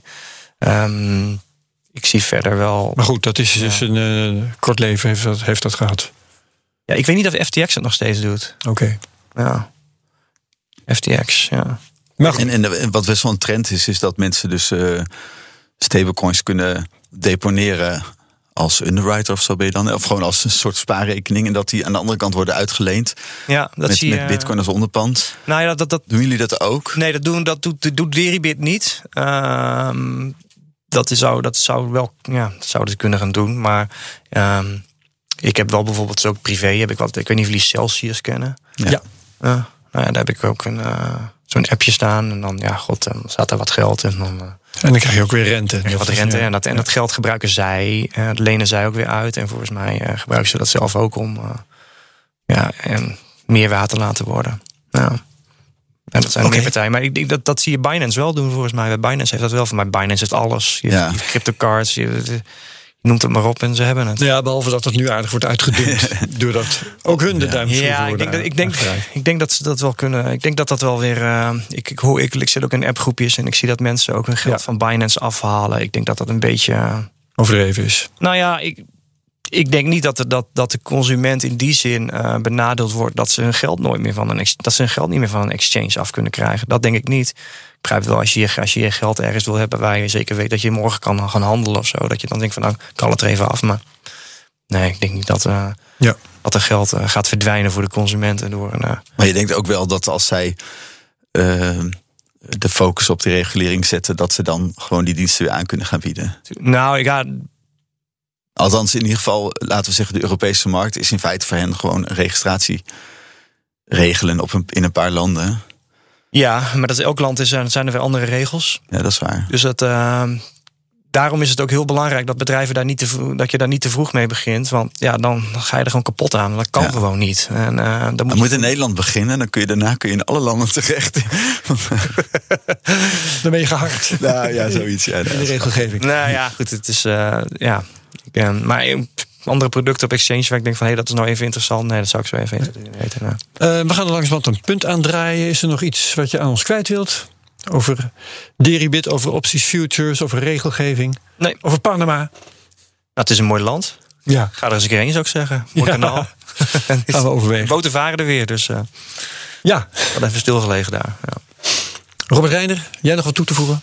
Tja, ik heb deze week een documentaire gekeken. Het heeft niks met cryptocurrencies te maken in principe. Dat heette Bright Green Lies. En dat vond ik wel uh, opmerkelijk. Misschien een. Uh, Bright Green Lies. Ja, en lies als in leugens. Ja.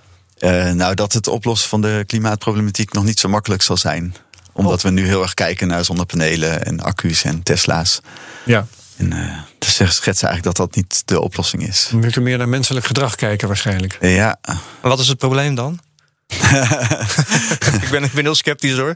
ja, ik, ik, nou, je kan, ik ben wel sceptisch in de oplossingen dus. Maar ik denk wat wel degelijk dat we onderschatten de exponentiële gevolgen van de klimaatverandering. Ik denk dat wij uh, heel arrogant zijn door te stellen dat wij met z'n allen het uh, klimaat wel even kunnen veranderen op deze aarde. Ik, nou, ik denk dat dat een beetje arrogante gedachte is. Ik denk dat het arrogant is omdat we denken dat we terug kunnen draaien. Maar al die, al die uh, olie is in 200 miljoen jaar ontstaan. En wij hebben dat in 200 jaar voor 70% weer uit de aarde gehaald. Ik denk dat het wel een effect heeft. Bright Green Lies. We gaan, we gaan deze discussie gaan we hier nu nee, niet, nee, nog eens eventjes beginnen. Zeg. Dat... Marius Jansen, hartelijk dank. Ja, ik vond het leuk, dankjewel. Ja, veel succes met niet betrokken zijn bij Deribit. Ja. Um, Robert Reiner Nederhoed van Bit My Money, hartelijk dank voor uh, je steun hier vandaag. Het stellen van vragen aan Marius. Uh, zet de CryptoCast van volgende week alvast in je agenda. Dan hebben we een gesprek met Arno Wellens, die hier altijd goed is voor torenhoge kijk- en luistercijfers. En altijd met keiharde kritiek op uh, banken. En dat soort bedrijven co-host is in dat geval Paul Buitink. Als je deze aflevering leuk vond, vergeet hem niet te, delen met je volgers op Twitter. Gebruik de mention at CryptoCastNL. Reviews op Apple Podcast. Help ons ook heel erg. Like, subscribe en comment op YouTube. En verder hartelijk bedankt iedereen. En tot volgende week bij de volgende CryptoCast. Dag. Deze podcast wordt mede mogelijk gemaakt door Amdax. Het handelshuis voor de serieuze cryptobelegger.